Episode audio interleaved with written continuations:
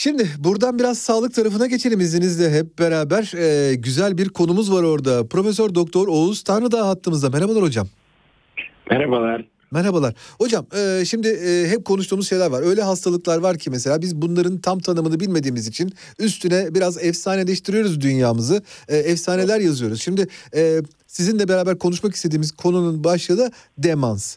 E, demansın e, hani nelerin demansa işaret ettiğini, bizim bu hastalığın ne olduğunu sizinle konuşalım isterim. Ama gerçekten de önce anlayalım hastalık nedir, demans deyince ne anlamalıyız buradan başlayalım izninizle. Anladım. Ee, teşekkür ederim yayın için. Saygılar. Ee, öncelikle şunu söyleyeyim. Demans bir hastalık türü değil. Anlıyorum. Demans e, çok çeşitli hastalıkların ve etkenlerin yol açtığı ortak bir sonuç.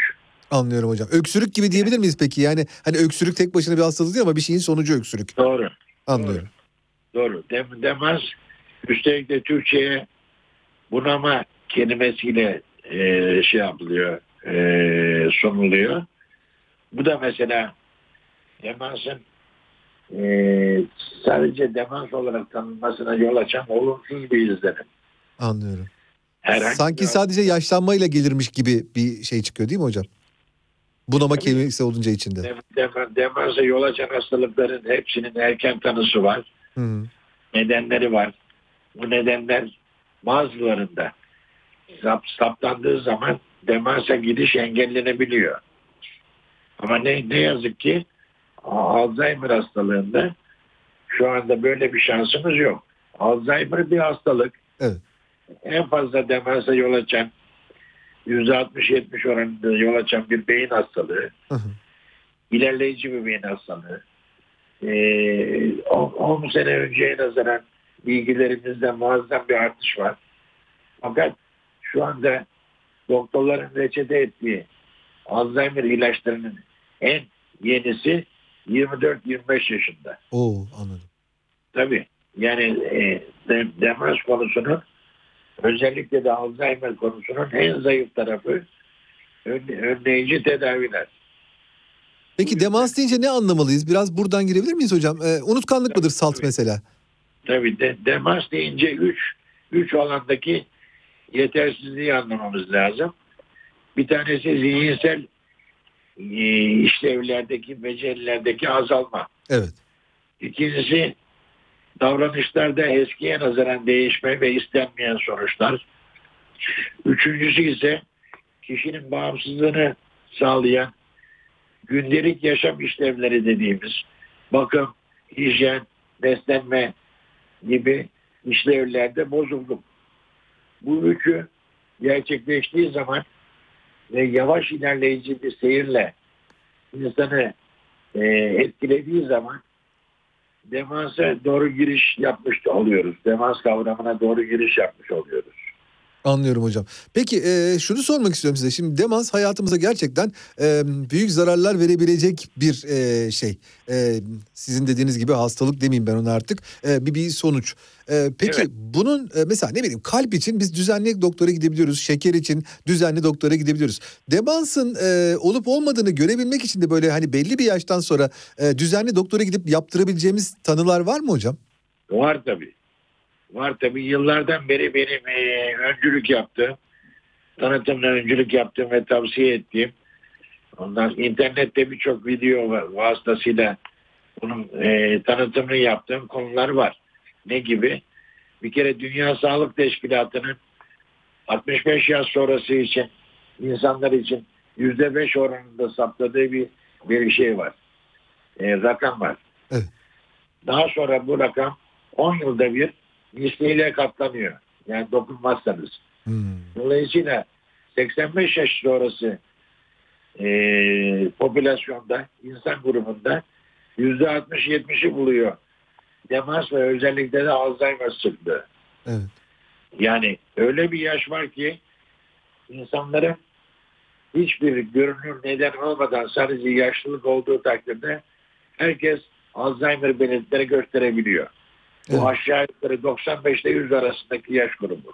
Anlıyorum. Şimdi bu e, ailesinde Alzheimer veya herhangi bir şekilde demansa yol açacak hastalık olanların genetik yükü artıyor. Ve dolayısıyla bu, bu öne- önemli bir uyarıcı. Ailesinde demans ve Alzheimer olanları insanların en azından yılda bir kere pardon pardon beyin beyin check-up'ı dediğim bazı e, şey, tetkiklerden geçmesi lazım. Bu hiçbir şey olma, olmasa bile aile yükünden dolayı gerekiyor. Bunlar bilişsel tetkikler midir hocam yoksa kan tahlili vesaire gibi bir şeyler midir? Ye- yerine göre kan tahlilleri de eklenebiliyor. Örneğin bir tiroid hastalığı varsa, şeker hastalığı varsa Evet. katkısını ölçmek için kan tahlili yapılıyor. Ancak geri kalanları beyinsel tetkikler. Anlıyorum. Bunlar üç, üç gruba ayrılıyor. Bir tanesi MR yoluyla beynin yapısını incelemek ve yaşa göre yapıda bir yıpranma var mı yok mu bunu anlamak. Hı hı. Dolayısıyla görüntüleme diyoruz buna. Evet.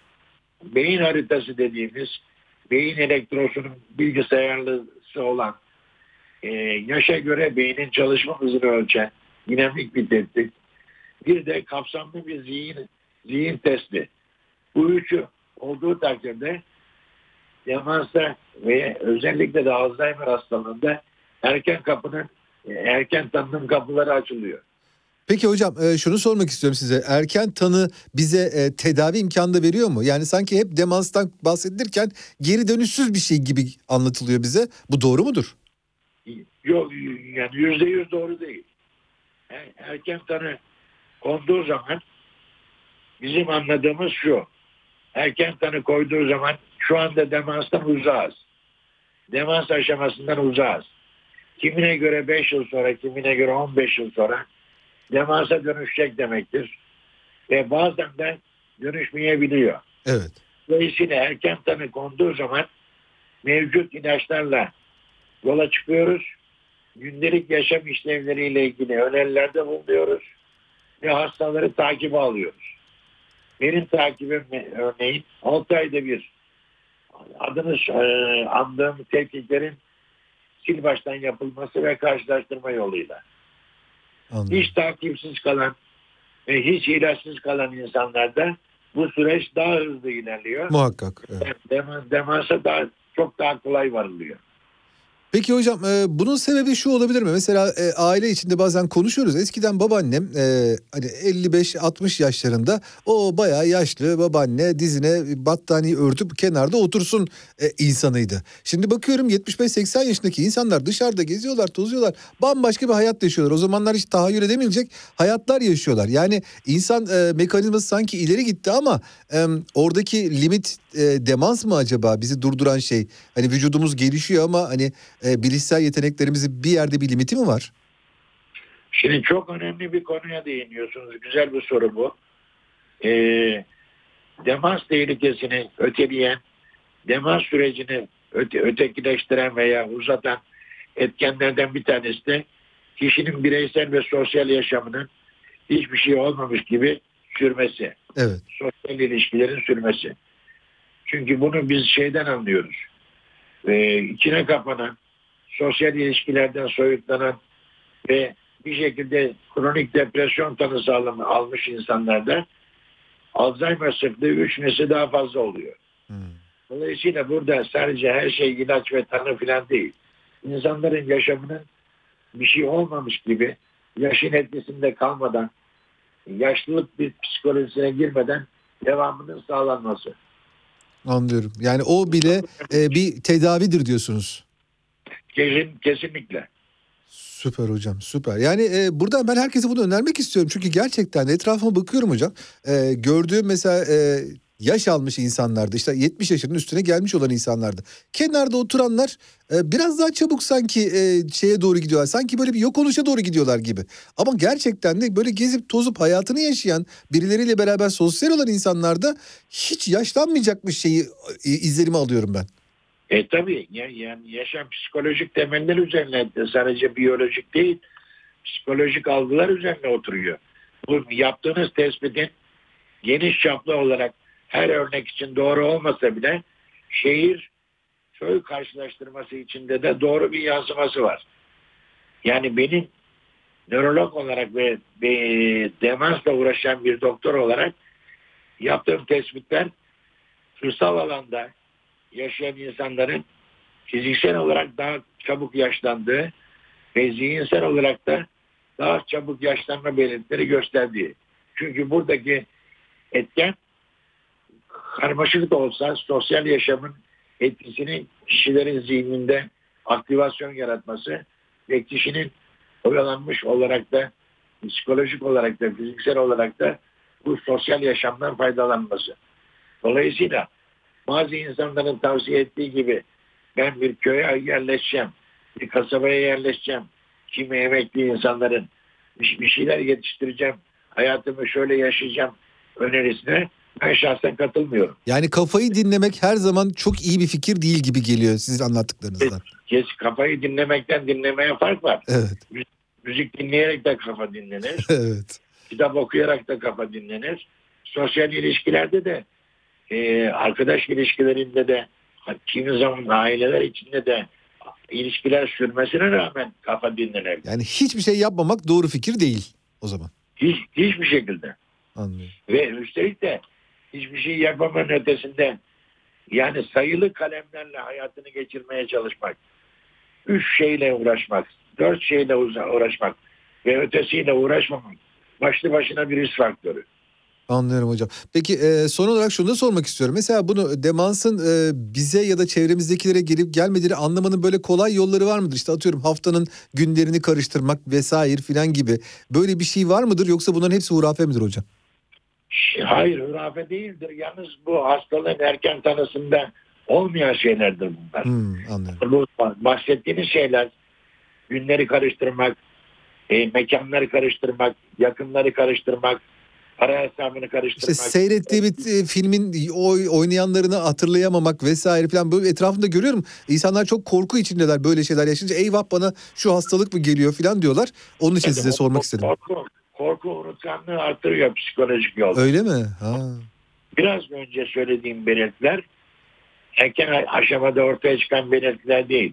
En erken orta evrede ilerleme sürecinde olan ortaya çıkan belirtiler. Dolayısıyla o, o tür insanlarda erken tanı çoğu zaman yapılma, yapılmamış oluyor ve erken tanı süreci kaçırılmış oluyor.